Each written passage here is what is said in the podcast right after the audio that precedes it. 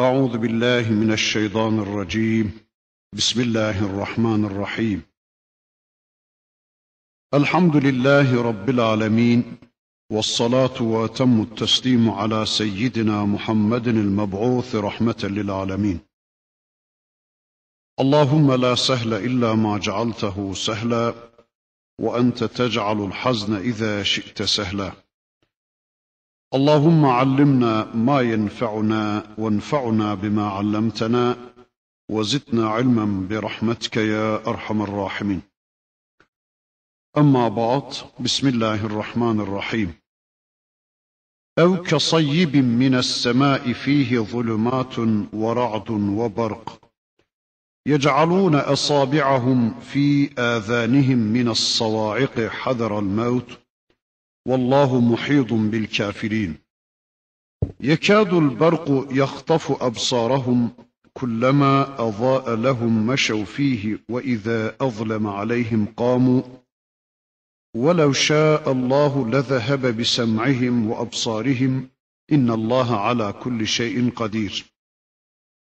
يا أيها الناس اعبدوا ربكم الذي خلقكم والذين من قبلكم لعلكم تتقون. الذي جعل لكم الأرض فراشا والسماء بناء وأنزل من السماء ماء فأخرج به من الثمرات رزقا لكم فلا تجعلوا لله اندادا وأنتم تعلمون. وإن كنتم في ريب مما نزلنا على عبدنا فأتوا بسورة من مثله وادعوا شهداءكم من دون الله إن كنتم صادقين. فان لم تفعلوا ولن تفعلوا فاتقوا النار التي وقودها الناس والحجاره اعدت للكافرين sadakallahul azim. Geçen haftaki dersimizde Bakara suresinin bu bölümünde Rabbimiz münafıklarla alakalı iki örnek sunmuştu. Bu iki örnekten birincisini geçen dersimizde hep beraber anlamaya çalıştık, tanımaya çalıştık. İkinci örneğe gelmiştik. Bu ikinci misalde de Allah yağmurdan söz eder. Yağmur Kur'an'a benzetilmiştir. Nasıl ki yağmur ölü araziyi dirilten bir rahmet kaynağıysa, Kur'an da ölü kalpleri, hasta ruhları diriltmek için gelmiş bir rahmet kaynağıdır. Misaldeki karanlık, gök gürlemesi ve şimşek ise bu vahiy ile ilgi kurma yolunda yani bu vahiden istifade etme yolunda yani kulluk yolunda İslam'ı yaşama yolunda insanın önünü kesen engeller demektir. İslam'ı yaşamaya çalışırken İslam düşmanlarının ortaya koyduğu tehlike ve güçlükleri temsil eder. İşte bu münafıklar ortalık biraz yatıştığı zaman, işler iyi gittiği ve tehlikeler söz konusu olmadığı zaman İslam'ı yaşamaya koyulurlar. Ama kulluklarının önünü bir takım tehlikeler kestiği zaman, önlerine bir takım engel bulutları çıktığı zaman da, mesela tayinlerinin çıkarılması gibi, soruşturma, kovuşturma gibi, 163. madde gibi, işte o zaman da kala kalırlar. Allah'ın kendilerinden beklediği kullukları terk ediverirler. Yani bunlar kalben tamamen kafir değillerse de İslam'ı ancak kendilerini tehlikeye sokmayacak boyutta uygulayan insanlardır. Veya bir başka yaklaşımla buradaki karanlık, yıldırım ve şimşek adamların ön yargılarına ve beklentilerine ters düşen ayetlerdir. Adamlar ön yargılarına ters düşen emirlerle karşı karşıya geldikleri zaman şaşkınlık içinde kala kalırlar. Mesela cihada çağrıldıkları zaman veya Allah yolunda mal ve canı fedaya çağrıldıkları zaman dona kalırlar. Veya namaz tamam kılalım da bu tesettür de ne olacak yani derler. Bu şartlarda yani çok zor bu iş. Bu devirde olmaz bunlar derler. İşlerine gelen konularda yürürler ama işlerine gelmeyen konularda kala kalırlar. Yine Kur'an'da yıldırım gibi bazı tehditler, bazı vaatler vardır. Kur'an-ı Kerim'de şimşek gibi parlak hüccetler, deliller vardır.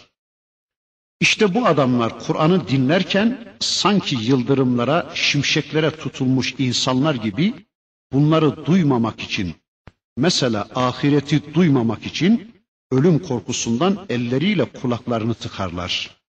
Geçenlerde 10 dakika kadar cehennemi anlattım. Oradakilerden birisi o kadar sıkıldı ki çatladı, patladı sanki. Yeter yahu be dedi. Başka konu bilmez misin sen? Yani Kur'an'ın hüccetleri, yıldırım gibi ayetleri ortaya kondukça adamlar bunların ortaya konmasına dayanamıyorlar. Bunları duymaya tahammül edemiyorlar. Bakın Tevbe suresinde bu tür insanlar için Rabbimiz bir ayeti kerimesinde şöyle buyuruyordu. لَوْ يَجِدُونَ مَلْجَأً اَوْ مَغَارَاتٍ اَوْ مُدَّخَلًا لَوَلَّوْ اِلَيْهِ وَهُمْ يَجْمَحُونَ Eğer korunmak için, sığınmak için bir yer yahut mağaralar ya da sokulacak bir delik bulabilselerdi hemen oraya doğru yönelip koşarlardı buyurulur. Veya İslam'ın izzetinden onlara bir pay, bir nasip, bir paye düşünce miras gibi, ganimet gibi, Müslüman kadınlarla evlenme gibi buna güvenip yürürler. Ama istemedikleri, hoşlanmadıkları bir şeyle karşılaşınca da dona kalırlar. İşte ayeti kerimede anlatılan budur deniyor. Bir de bu ayet onların kıyamet günkü durumlarını anlatır da denmiş. İşte kimilerinin nuru fersahlarca mesafeyi aydınlatır, Medine'den Aden'e kadar. Kimilerinin ki ancak ayaklarının önünü aydınlatır, kimilerinin ışığı hepten sönmüştür. Kimilerinin ki de işte bazen yanar, bazen söner, burada anlatılan münafıklarınki gibi. Yani bu adamlar aslında karanlık içindeler de kendi kendilerine kendi karanlık dünyalarının ışığıyla yürüdüklerini zannediyorlar. Böylece anlıyoruz ki münafıklar iki kısımdır. Birincisi önceki ayette anlatılan kalben kafir olup çıkarları sebebiyle Müslüman görünmeye çalışan insanlar. İkincisi ise bu sonraki ayette anlatılan kalpleri tamamen kafir olmasa da İslam'ı ancak kendilerini tehlikeye sokmayacak boyutta uygulayan ve herhangi bir tehlike anında veya hoşlarına gitmeyen, nefislerine ağır gelen konularda dona kalan insanlar. Nitekim Allah'ın Resulü Bukhari'deki bir hadislerinde bu hususu bakın şöyle anlatıyor. Selasetun men kunne fihi kana munafikan halisan.'' ومن كانت فيه واحدة منهن كانت فيه خصلة من النفاق حتى يدعها من إذا حدث كذب وإذا وعد أخلف وإذا اؤتمن خان Buyurur ki bakın peygamberimiz üç şey vardır ki bunlar her kimde bulunursa o halis münafıktır. Katışıksız, saf münafıktır ama kimde de bunlardan bir tanesi bulunursa onu terk edinceye kadar o kişide nifak alameti var demektir. Bunlar şunlardır. İza haddese kezebe. Konuştuğu zaman yalan söyler. Ve iza vaade ahlefe. Vaad ettiği zaman vaadinden döner. Ve iza tümine hane. Kendisine emanet edildiği zaman emanete ihanet eder. İşte Bakara suresinin bu bölümünde böylece Rabbimiz bir önceki bölümde anlattığı münafıklara meseluhum diyerek iki tane misal verdi, iki tane örnek tablo sundu. Böylece bize bu münafıkları da tanıttıktan sonra bakın Rabbimiz şöyle buyuruyor. Ya eyyühen nasu ubudu rabbakum Ey insan Rabbinize kulluk edin. Ey bunu kavrayan, anlayan insan. Ey bütün bu modelleri şahsında toplayan insan cinsi. Ey insanoğlu Rabbinize kulluk edin. Zaten Kur'an'ın geliş gayesi buydu. Kur'an ne muttaki anlatmak için ne kafiri ne de münafığı anlatmak için gelmemişti. Mesele bunlar değildi. Mesele bana beni anlatmaktı. Bir Müslüman olarak benim Rabbime kulluğumu anlatmaktı. Rabbime kul olmam gerektiğini anlatmaktı. Ama bu konuda önce kitabın kriter olduğunu ortaya koydu Rabbimiz. Yani kulluk konusunda, iman konusunda kitabın elek olduğunu ortaya koydu. Bu kitap eleğinden geçen insanların kimilerinin bozuk düzen olduğunu anlattı. Yani bu kriterle kimilerinin beş para etmediği açığa çıktı. Sanki sarrafın elindeki mihenk taşından geçenlerden kimilerinin bozuk ve boşluğu ortaya çıkıyordu ya, işte sanki kitapta böyle. Sanki kitap insanların Allah'a giderken böyle uğramak zorunda oldukları mihenk taşıydı. Ondan geçerken insanların kimilerinin kulluklarının sahte olduğu açığa çıkıyor, kimilerinin de gerçek olduğu, doğru olduğu açığa çıkıyordu. Burada da Cenab-ı Hak önce müttakileri anlattı. İşte beş ayetiyle Bakara'nın başında Rabbimiz önce müttakileri anlattı. Sonra iki ayetiyle kafirleri anlattı. Sonra da bu ikisi arasında gelgit halinde olanları anlattıktan sonra bakın diyor ki Rabbimiz Ya eyyühen nas Ey insan çoğul bir kelime nas insanın çoğuludur. Hiç kimseyi ayırmadan Rabbimiz burada bakın bir davette bulunuyor. Adem ve Havva'dan meydana gelen tüm insanlığa bir davetiye. İnsan çoğul bir kelime ama beni anlatıyor, seni anlatıyor. Öyleyse kitabın muhatabı sensin.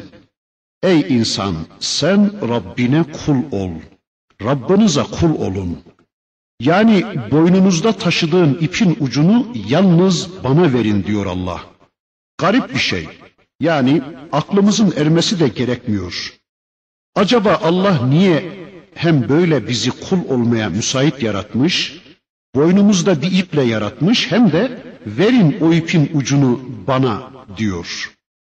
Yani kendisi alıverseydi ya onun ucunu ya da melek gibi boynundaki ipin ucunu başkalarına veremeyecek biçimde yaratsaydı olmaz mıydı? Yo, öyle istememiş Rabbimiz. Murad-ı ilahi öyle değil. Allah herkesi Müslüman olmaya müsait yaratmış, herkesi boynunda bir iple getirmiş dünyaya. Yani insan boynundaki ipin ucunu Allah'a vermeyip kendi elinde tutsa yine Allah'ın kuludur. İnsan boynunda doğuştan getirdiği kulluk ipinin ucunu kendi elinde tutsa da topluma, çevresine, ailesine ya da işte ateşe, yıldıza ya da şeytana, putlara, idarecilere verse de yani bunlara tapınsa da insan tarih bize gösteriyor ki insan mutlaka tapınmaya hazır yaratılmıştır. Yani tapacaktır mecburen bir şeylere o. Ondan sonra diyor ki bakın Rabbimiz kulum seni ben yarattım. Seni kulluğa müsait yarattım. Boynunda bir iple dünya getirdim. Öyleyse boynundaki o ipin ucunu bana ver. E ya Rabbi sen bunu baştan tutuverseydin ya, bizi bu konuda serbest bırakmasaydın, boynumuzdaki ipin ucunu melek gibi, sema gibi, arz gibi, taş toprak gibi, işte hayvanlar, bitkiler gibi doğuştan eline alıp da bizi bu konuda serbest bırakmasaydın olmaz mıydı? Yani bizim bu irademiz nolaydı ki ya Rabbi? Şeytan nolaydı ki yani? Niye yarattın şeytanı? Şeytan ve dostları ne olacaktı ya Rabbi? Niye yarattın bunları? Niye izin verdin diyemiyoruz. Çünkü Mevla o bölümü dememiş. Sadece diyor ki Rabbimiz sizi ben yarattım, boynunuzdaki ipin ucunu bana verin. Şöyle bir örnek veriyoruz. Ömründe hiç araba görmemiş bir adamı herhangi bir araba fabrikasının kabinine yerleştirsek, mesela Audi fabrikasının kabinine yerleştirsek, adama desek ki, bak kardeş, buradan çıkmak yok. Şuradan yemeğin gelecek, buradan suyun gelecek, işte şurada işini, burada çişini yapacaksın, buradan bir ömür boyu çıkmayacaksın desek. Adam dese ki, iyi anladık da ben ne yapacağım burada? Desek ki kendisine, işte önüne bantla şuradan bir parça gelecek ve şuraya iki vida takacaksın, buraya da üç somun tutturacaksın diye ona iki görev versek. Şimdi bir ömür boyu işi gücü bu iki vidayı ve üç somunu tutturmak olan bu adam ömür boyu buradan çıkmasa bu adam yaptığı işin ne anlama geldiğini, ne işe yaradığını bilebilir mi? Yaptığı bu işin ne anlama geldiğini bilebilir mi bu adam? E nereden bilecek? Bilemez değil mi? En fazla ya dışarıdan birileri yaptığı bu iş konusunda adama kopya verecek, fitleyecektir. Veya adama işte bir Audi arabasının fotoğrafını filan göstereceksiniz. Diyeceksiniz ki bak senin taktığın vidalar işte burada, işte bu işe yarıyor. Bak sonunda böyle bir araba çıktı diyeceksiniz. Ya da adamı oradan çıkaracaksınız, bir Audi arabasının yanına götürüp bindireceksiniz ve diyeceksiniz ki işte senin aşağıda taktığın vidalar bak burada. İşte bu işe yarıyor. Bak bu araba diyeceksiniz. Ya da dışarıdan birisi ona fitleyecek. İşte fotoğraf gösterecek, ekran gösterecek ve diyecek ki bak işte bu arabadır. Senin yaptığın buna yarıyor diyecek. Değilse bu adam kesinlikle yaptığı bu işin niye yaradığını, ne anlama geldiğini bilemez, bilmesine imkan ve ihtimal yoktur. Rize'de bir dönem öğretmenlik yapan bir arkadaşım anlatmıştı. Çocuklar hiç araba görmemişler, ilkokul çocukları. Fotoğraf getiriyorlar ve diyorlarmış ki öğretmenim, insanlar buna mı biniyorlarmış? Olacak şey mi bu diyerek gülüyorlarmış çocuklar. Şimdi böyle bir adama dışarıdan herhangi bir bilgi verilmese anlamaz değil mi bu adam bu yaptığı işin niye yaradığını? İşte üç tane vida takacakmış. E takmasa ne olur?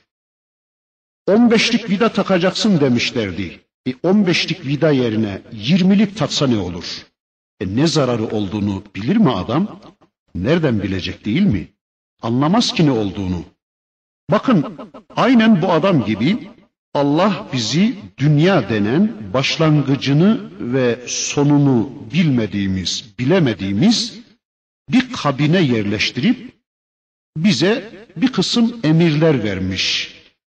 Biz yaratılmadan önce yani henüz bu dünyada yokken yani önceden de önce ayda yokken, güneş de yokken, arzda, semada, zamanda, mekanda yokken e, ne olup bitti bilmiyoruz.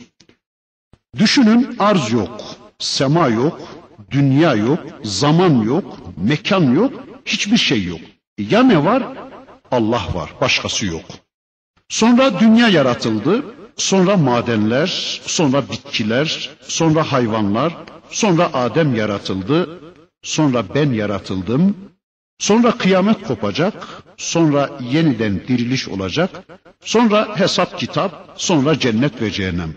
Yani en sonunda zaman bitecek, mekan da bitecek. Çünkü arkadaşlar dünyadaki zaman ayrı, öbür taraftaki ebediyet ayrıdır. Dünyadaki mekan ayrı, öbür taraftaki cennet ve cehennem mekanları ayrıdır. İşte biz dünyadan öncesini ve sonrasını bilmiyoruz. Bakın Cenab-ı Hak da bizi böyle önünü ve sonunu bilmediğimiz dünya denen bir kabine yerleştirmiş. O Audi fabrikasının kabininden biraz daha geniş dünya denen bir kabine yerleştirmiş ve aynen misaldeki adam gibi şunları şunları yapacaksınız. Şunları şunları da yapmayacaksınız diye bir kısım emir ve yasaklar bildirmiştir. Mesela ne gibi? İşte beş vakit namaz kılacaksınız, otuz Ramazan tutacaksınız, şöyle giyineceksiniz, böyle yaşayacaksınız, boyunlarınızdaki ipin ucunu yalnız bana vereceksiniz, yalnız beni dinleyecek, yalnız bana kulluk edeceksiniz gibi emir ve yasaklarda bulunmuştur. Şimdi bizler yaptığımız bu işlerin ne anlama geldiğini, ne işe yaradığını, sonunda karşımıza nasıl bir şeyin çıkacağını bilebilir miyiz? Bize de Allah tarafından yapın veya yapmayın denenlerin aksini yapsak, mesela dört rekat yerine beş kılsak, otuz yerine yirmi Ramazan tutsak veya hiç kılmasak, hiç tutmasak, ne zararın olduğunu bilebilir miyiz? Şöyle giyinin dediği halde böyle giyinsek, mirasımız şöyle olsun dediği halde böyle yapsak, e ne zararının olduğunu bilebilir miyiz? Onun içindir ki Allah'ın bildirmediği hikmetler konusunda hikmet arayıcılığına çıkmak lüzumsuzluktur. Çünkü Allah hangi konuda ne hikmet bildirdiyse onu ancak bilebiliriz. Ama Allah bildirmemişse onu kesinlikle bilemeyiz. Mesela orucun hikmeti ne? Allah diyor ki لَعَلَّكُمْ تَتَّقُونَ Müttaki olasınız için. Yani müttaki olmanız için diyor Allah. E demek ki orucun hikmeti buymuş. Ama bakıyoruz Müslümanlar oruca ne hikmetler sıralamış. Efendim işte açsın, açları anlayacaksın, kendini anlayacaksın, açları düşüneceksin filan. Tekrar dönüyoruz örneğe. Biz dünyadan öncesini ve dünyadan sonrasını bilmiyoruz. Sadece dışarıdan bir haberci yani bir peygamber bize bir şeyler fitliyor. Bize bir kısım bilgiler veriyor. Bakın diyor yaptığınız işler şu işe yarıyor. Şöyle olacak diyor, böyle olacak diyor. Lakin anlattığımız misalimizden farklı olarak yaptığımız bu işlerin sonucunda karşımıza çıkacak cennet ya da cehennem maketini bize gösterme imkanı yoktur o peygamberin. Ya da bizi dünyadan alıp cennete götürmesi ve işte bakın yaptığınız kulluklar işte bu işe yarıyor. Sonunda karşınıza böyle bir montaj hayat çıkacak diyebilmesi de mümkün değil. Sadece gösteremeden anlatıyor bize peygamber. İşte kul olmanın mantığı budur bence. Yani Allah öyle demişse öyledir tamam. Başka düşüncenin anlamı yoktur. Allah boyunlarınızdaki ipin ucunu bana verin demişse tamam. İşte efendim şöyle olmalıydı, böyle olmalıydı demenin anlamı yoktur. Görmeye, bilmeye de gerek yoktur. Demiştir ki Allah, boynunuzdaki kulluk ipinin ucu yalnız benim elimde olsun. Yani dünyadan öncesine, cennet ve cehennemden sonrası ve öncesine ait gaybi haberleri bilen Allah, peygamberi vasıtasıyla bize bu bilgileri verdiği için biliyoruz. Araba örneğinde belki şekil olarak bir arabanın bilir ona. Ama şu sosyal hayattaki arabanın fonksiyonunu bilemez o adam. Biz de bilemiyoruz da ancak iman ediyoruz. Allah bizi kulluk için yaratmış. Kulluk yaptığım takdirde cennet verecek bana. Peki ne o? E, onu da bilmiyoruz. Ama sadece iman ediyoruz. Yani kulluğumuzun sonucunda Allah'ın bize vereceği cenneti de bilmiyoruz ama sadece iman ediyoruz. Ya eyyühen ey insanlar, mümin, kafir, münafık, hangi sınıfa dahil olursanız olun veya erkek, kadın, fakir, zengin, alim, cahil, hangi durumda olursanız olun, hepiniz her an Rabbinizin şu emriyle karşı karşıyasınız. U'budu rabbakum. Rabbinize kulluk edin, kul olun Rabbinize. Yani sizler ey İyyâke na'budu ve İyyâke nesta'in diyenler. Ya Rabbi ancak sana kulluk yaparız ve ancak senden yardım isteriz diyenler. Bu ahitlerini ifa etsinler bunu diyemeyenler de Allah'a bu ahdi vermeye çalışsınlar. Hepiniz Rabbinize kul olun. Rabbinize ibadet edin. Peki nedir kulluk ya da nedir Rab?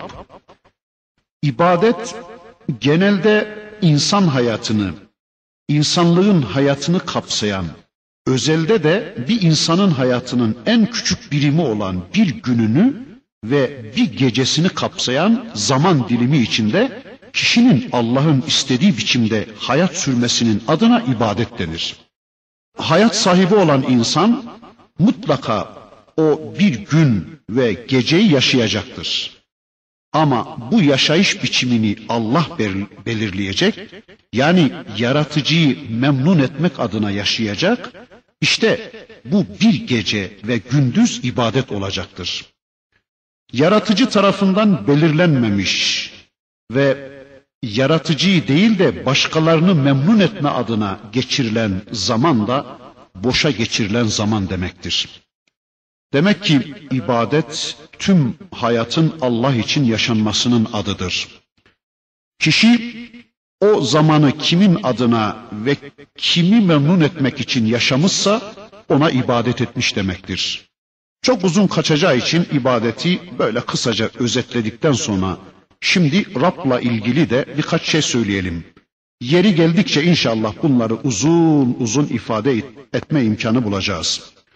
Rab terbiye eden, efendi, mürebbi, malik gibi anlamlara geldiği gibi e, yaratıcılık özelliği de söz konusudur. Rab topyekün varlıklar aleminin var edicisi ve var ettiklerinin hayat programını da tanzim edicisidir. Rab kula nasıl bir hayat yaşayacağını belirleme makamında olan varlık demektir. Bundan dolayıdır ki Allah Resulü'nün onlar Allah'ı bırakıp da Allah'ın kanunlarını, Allah'ın belirlediği helal haram yasalarını bir kenara bırakıp da din adamlarının, idarecilerinin helal haram yasalarını kabul eden Hristiyan ve Yahudiler için Allah'ı bıraktılar da din adamlarını Rablar edindiler. Hadisi bunu anlatır.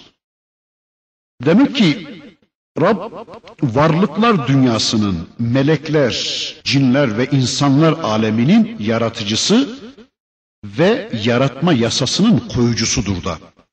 Burada Allah'ınıza kul olun demek yerine ye eyyühen nasu'budu dedikten sonra kulluk edin dedikten sonra Allah'ınıza kul olun, Allah'ınıza kulluk yapın demek yerine Rabbekum denmiş. Yani Rabbinize kul olun denildiğine göre şöyle bir espriyi de söyleyelim inşallah. Rab yani siz öyle bir Allah'a kul olun ki o sizin Rabbinizdir. Yani kendisine nasıl bir kulluk yapacağınız konusunda fikir sahibidir o Allah. Çünkü Rab demek hayata program çizen varlık demektir. Rab demek günlük hayat programını tespit eden varlık demektir. Rab demek yap ve yapma deme yetkisine sahip olan varlık demektir. Bakın buna yetkili olmaya hak kazandırıcı bir özelliği de varmış o Allah'ın. Bundan sonraki ayeti kelimesinde onun Rab oluşunun e, bir iki özelliğini bakın Cenab-ı Hak şöyle anlatacak. Yani Rab olanın şu özelliğe de sahip olması gerekecekmiş. Neymiş o? اَلَّذ۪ي خَلَقَكُمْ وَالَّذ۪ينَ min قَبْلِكُمْ Öyle bir Rabb'a kulluk edin ki, öyle bir Allah'ın sözünü dinleyin ki, o sizi yarattı, ta ki müttaki olasınız. Müttaki olmanız için sizi yarattım ya da müttaki olasınız diye sizden kulluk istiyorum diyor Allah. لَعَلَّكُمْ تَتَّقُونَ Belki böylece takvalı olursunuz. Böylece belki yolunuzu Allah'la bulursunuz. Yolunuzu Allah'a sorarak bulmanın usulünü öğrenirsiniz. Hayat programınızı Allah'ın kitabına göre yaparsınız diye sizi yarattık diyor Rabbimiz. Dikkat ederseniz Allah'a kulluk yaptığınız takdirde kesinlikle korunursunuz. Kesinlikle kurtulursunuz denmiyor da لَعَلَّكُمْ تَتَّقُونَ Belki korunursunuz deniliyor.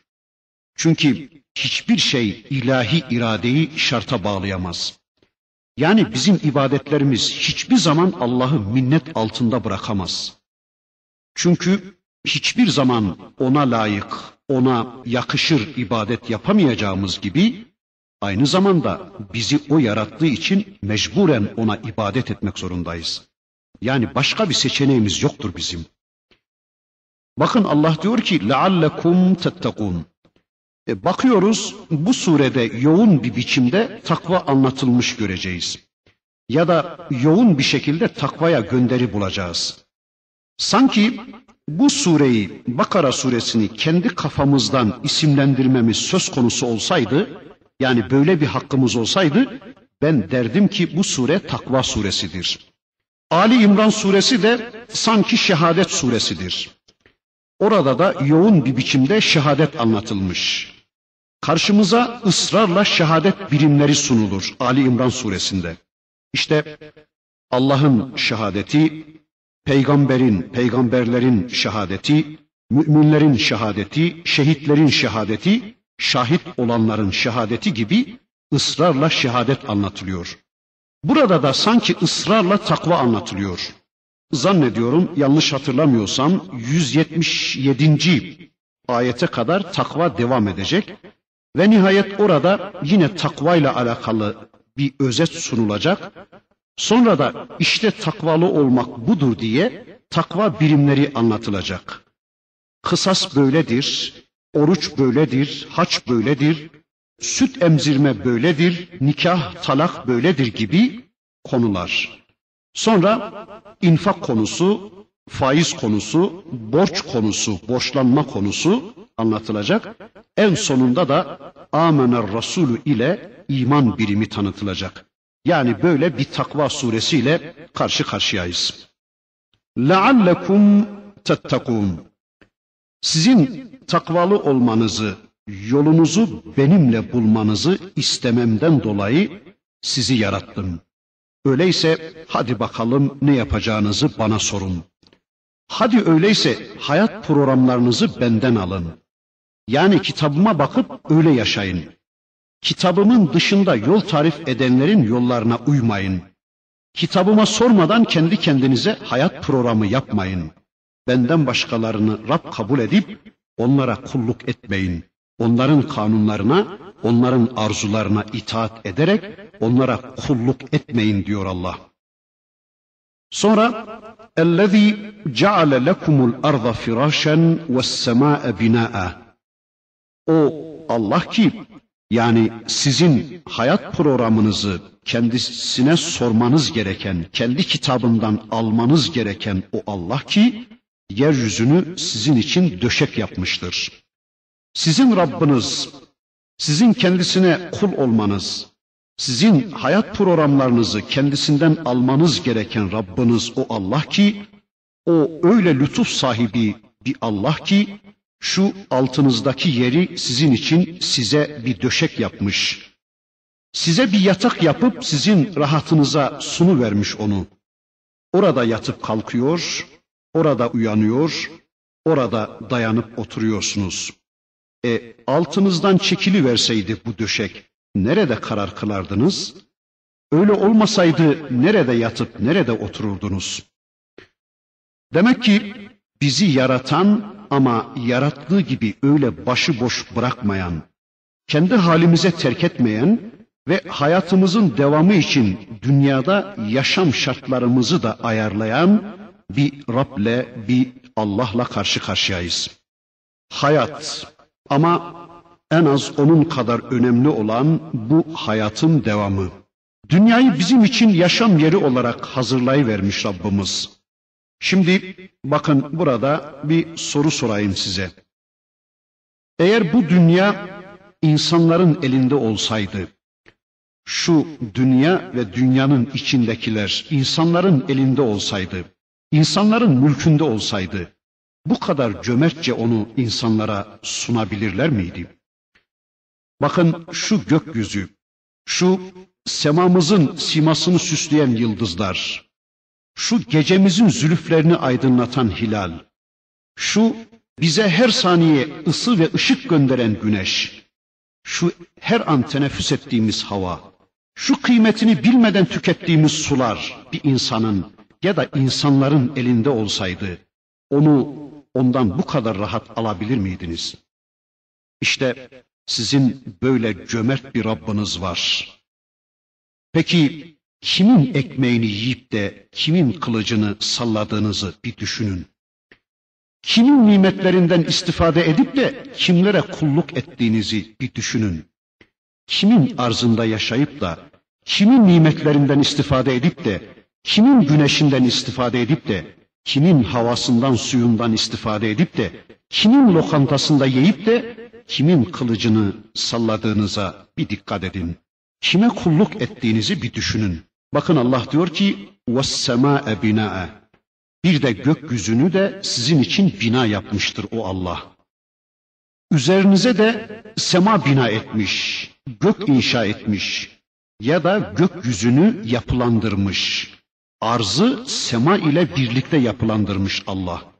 Yani başınızın üstündeki şu gök kubbeyi de bu döşeyi örten muhteşem bir tavan yapmıştır.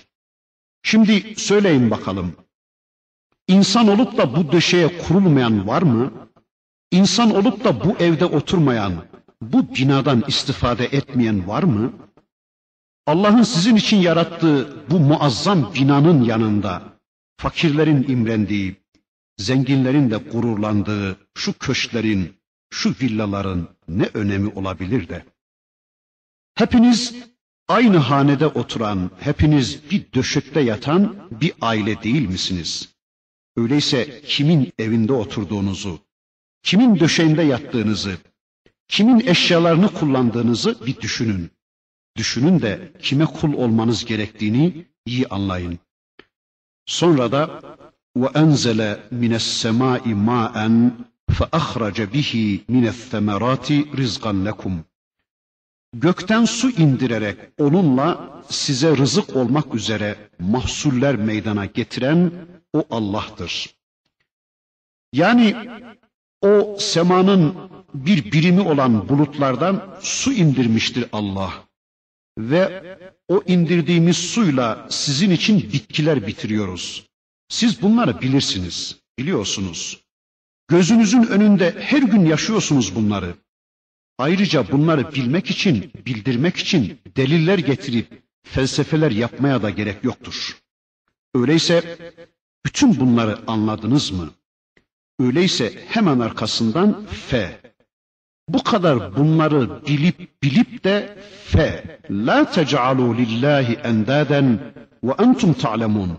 O halde bile bile Allah'a nitler bulmayın. Bütün bunları bile bile Allah'a eşler, ortaklar koşmayın.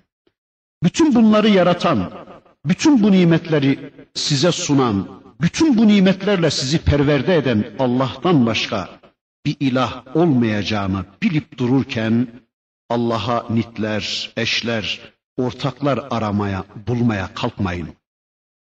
Yani rızasını kazanacağınız, kendilerine kulluk edeceğiniz, hayat programlarınızı kendilerine soracağınız, sistemlerini sistem kabul edeceğiniz Allah'tan başka Rablar, Allah dununda efendiler bulmaya kalkmayın.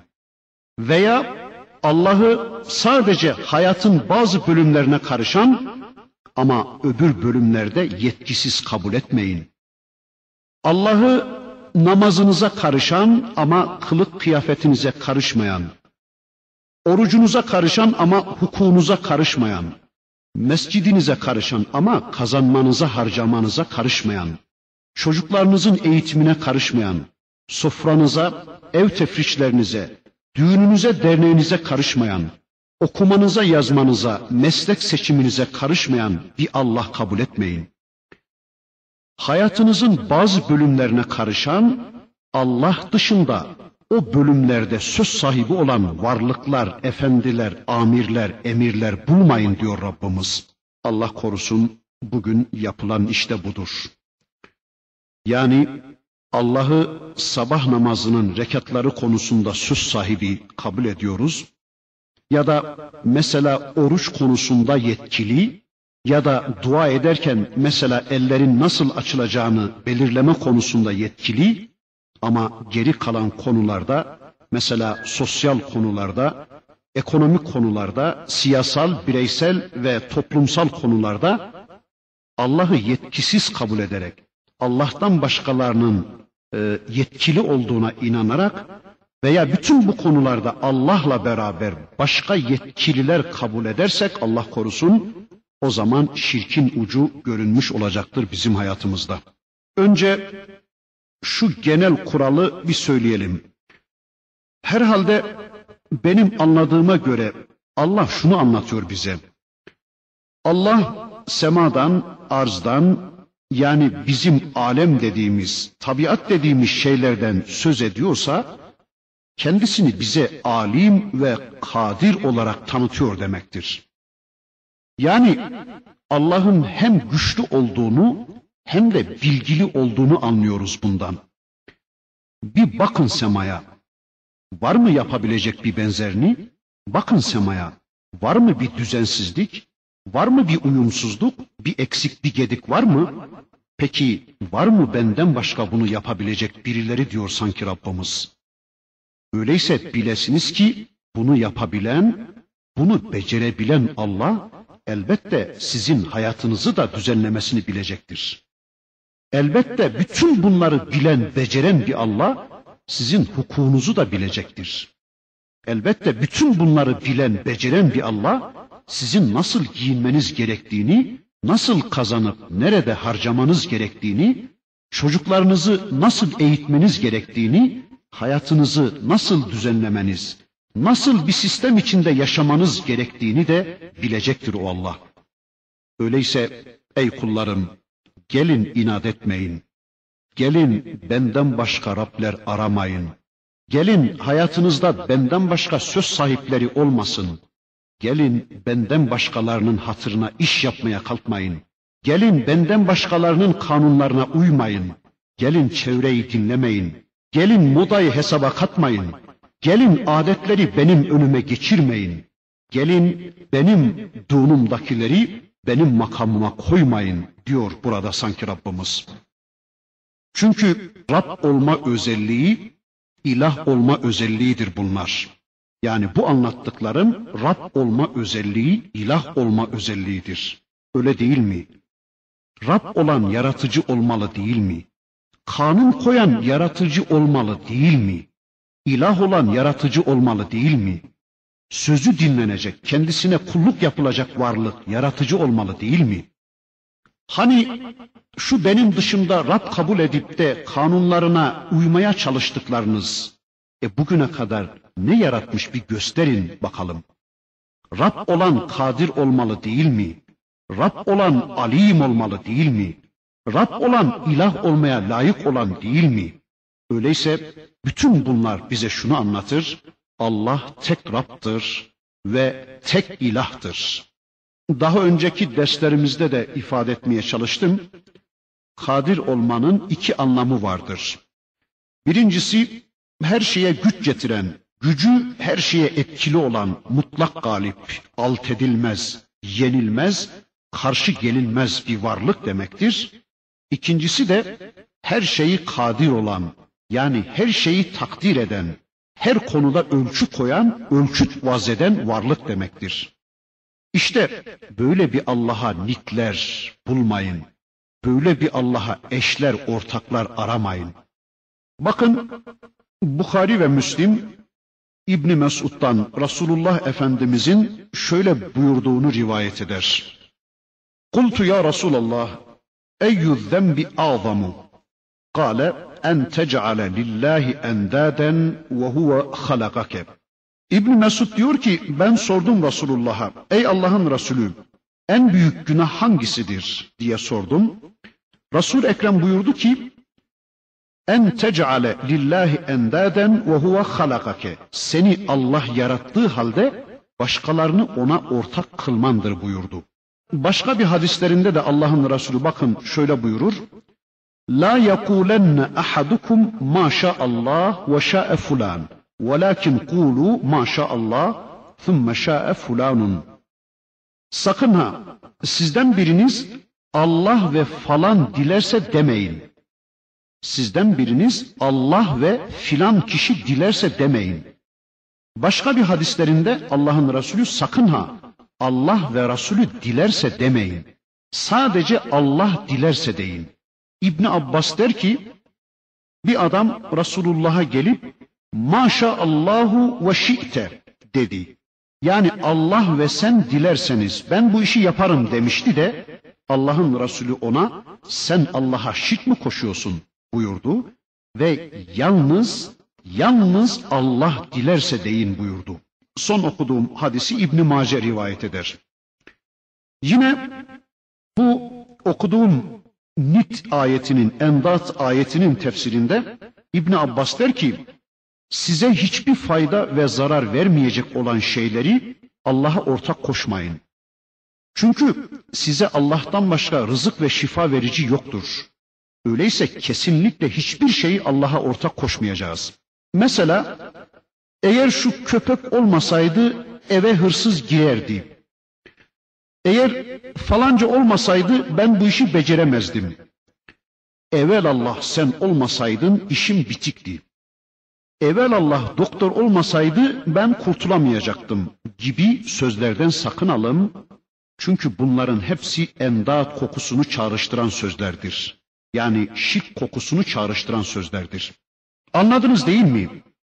Anlıyorlar, kavruyorlar ama yine de Allah'ın hayata karışması konusunda endişeleri var adamların.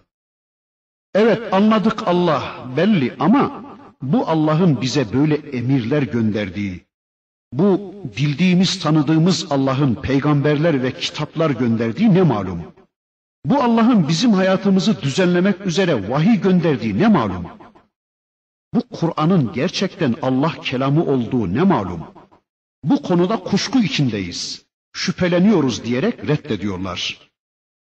Onun için bakın Cenab-ı Hak hemen bunun ardından bu konuda peygamber ve kitap konusunda Allah'ın insan hayatına karışması konusunda şüphede olanlara bakın şöyle sesleniyor. Zaten kafirin kafir olmasında tek sebep budur. Bakıyoruz tarihte hep böyle ola gelmiş. Mülk suresinde Rabbimiz bakın kafirlerin şöyle dediklerini anlatır. Yani küfrün mantığını anlatır. Ma nezzelallahu min şeyin in entum illa fi zalalin kebir. Allah hiçbir şey indirmemiştir. Sizler ey peygamberler olsa olsa bir şaşkınlık içindesiniz. Yani yalan söylüyorsunuz. Allah bize bir şey indirmemiştir. Ma nezzelallahu min şeyin.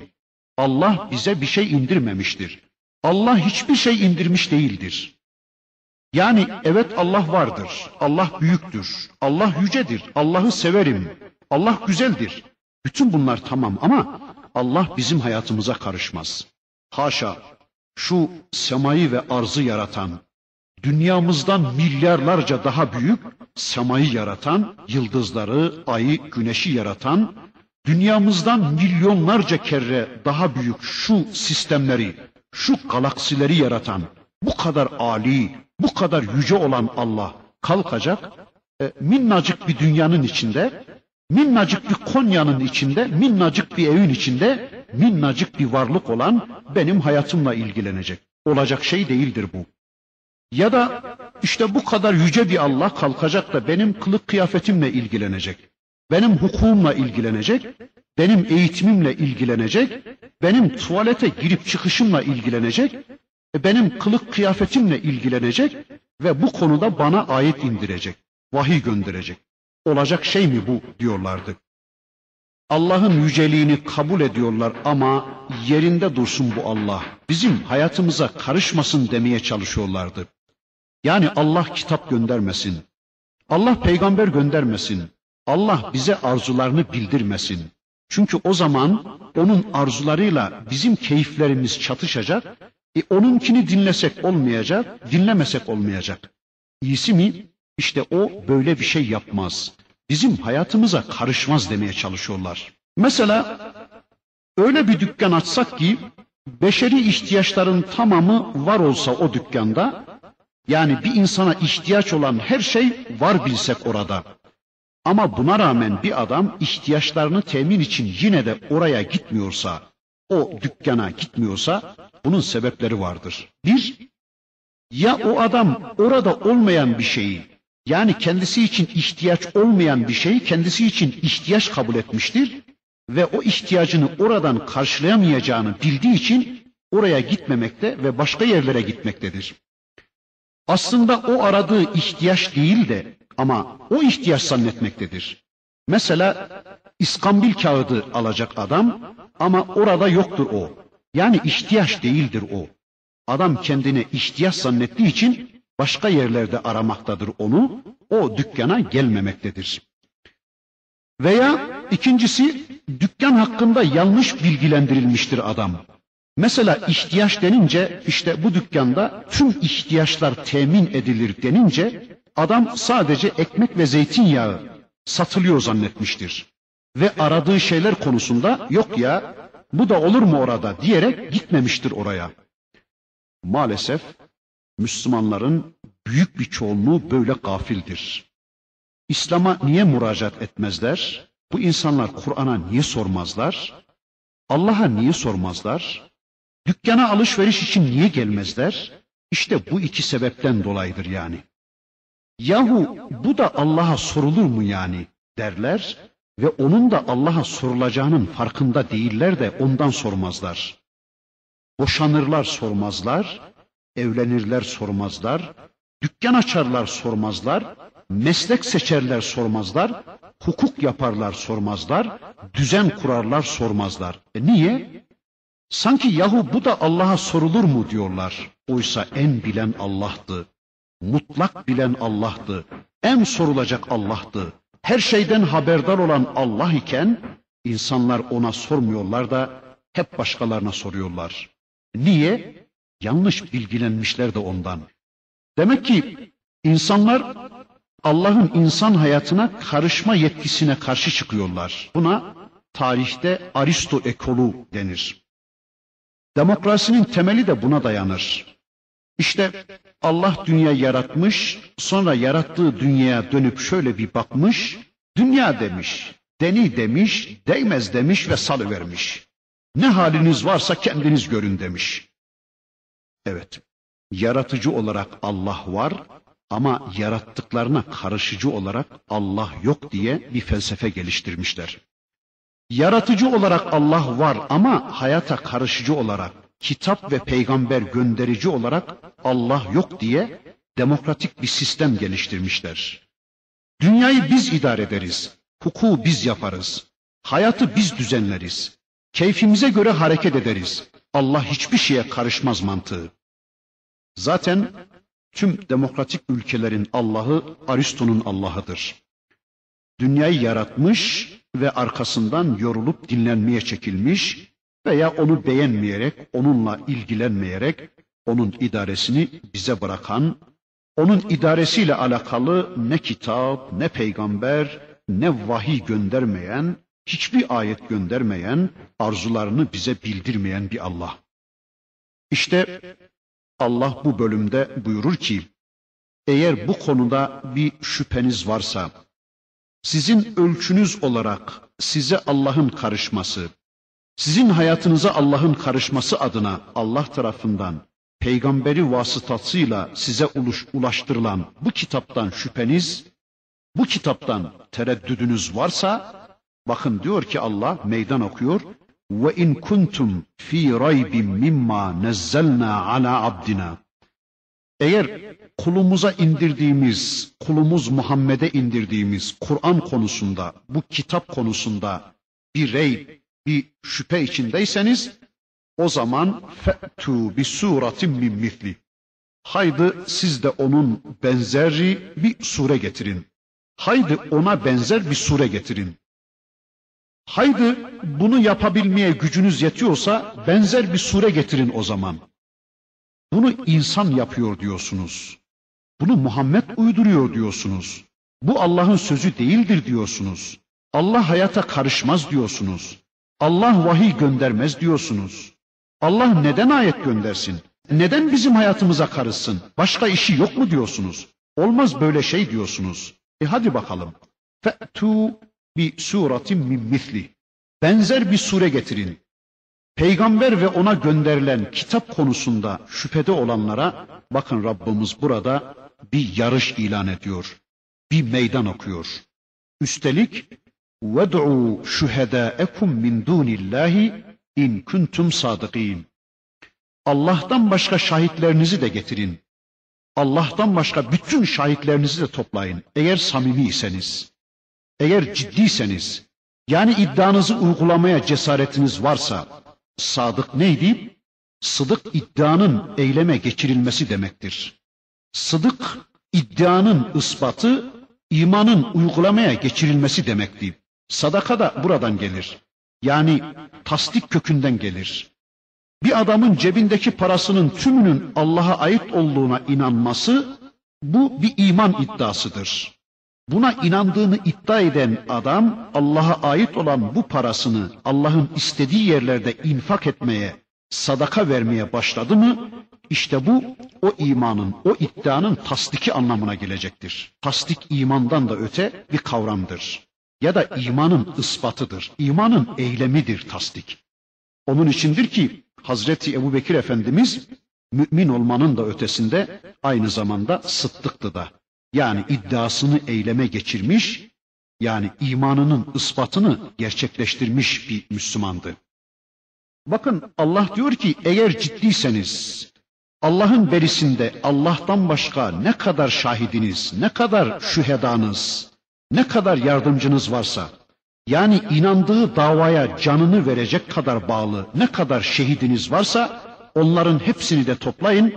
Allah'tan başka güvendiğiniz ne kadar yardımcınız, ne kadar putlarınız, ne kadar edipleriniz, şairleriniz, ne kadar bilginleriniz, filozoflarınız, müdürleriniz, genel müdürleriniz varsa işte size baş olacak, ayak olabilecek ne kadar yardımcınız, yardakçınız varsa hepsini çağırın da hadi örnek bir sure getirin bakalım. Yani bu kitabı peygamber uyduruyor diyorsunuz. E, bir insanın kendi başına kendiliğinden yapabildiği bir şeyi diğer insanlardan, milyarlarca insanlar içinden herhalde yapabilen bir insan çıkacaktır elbette. Hadi bakalım birilerini çağırın da bunun bir benzerini getirin. Vaktimiz yine doldu. İnşallah burada kalalım.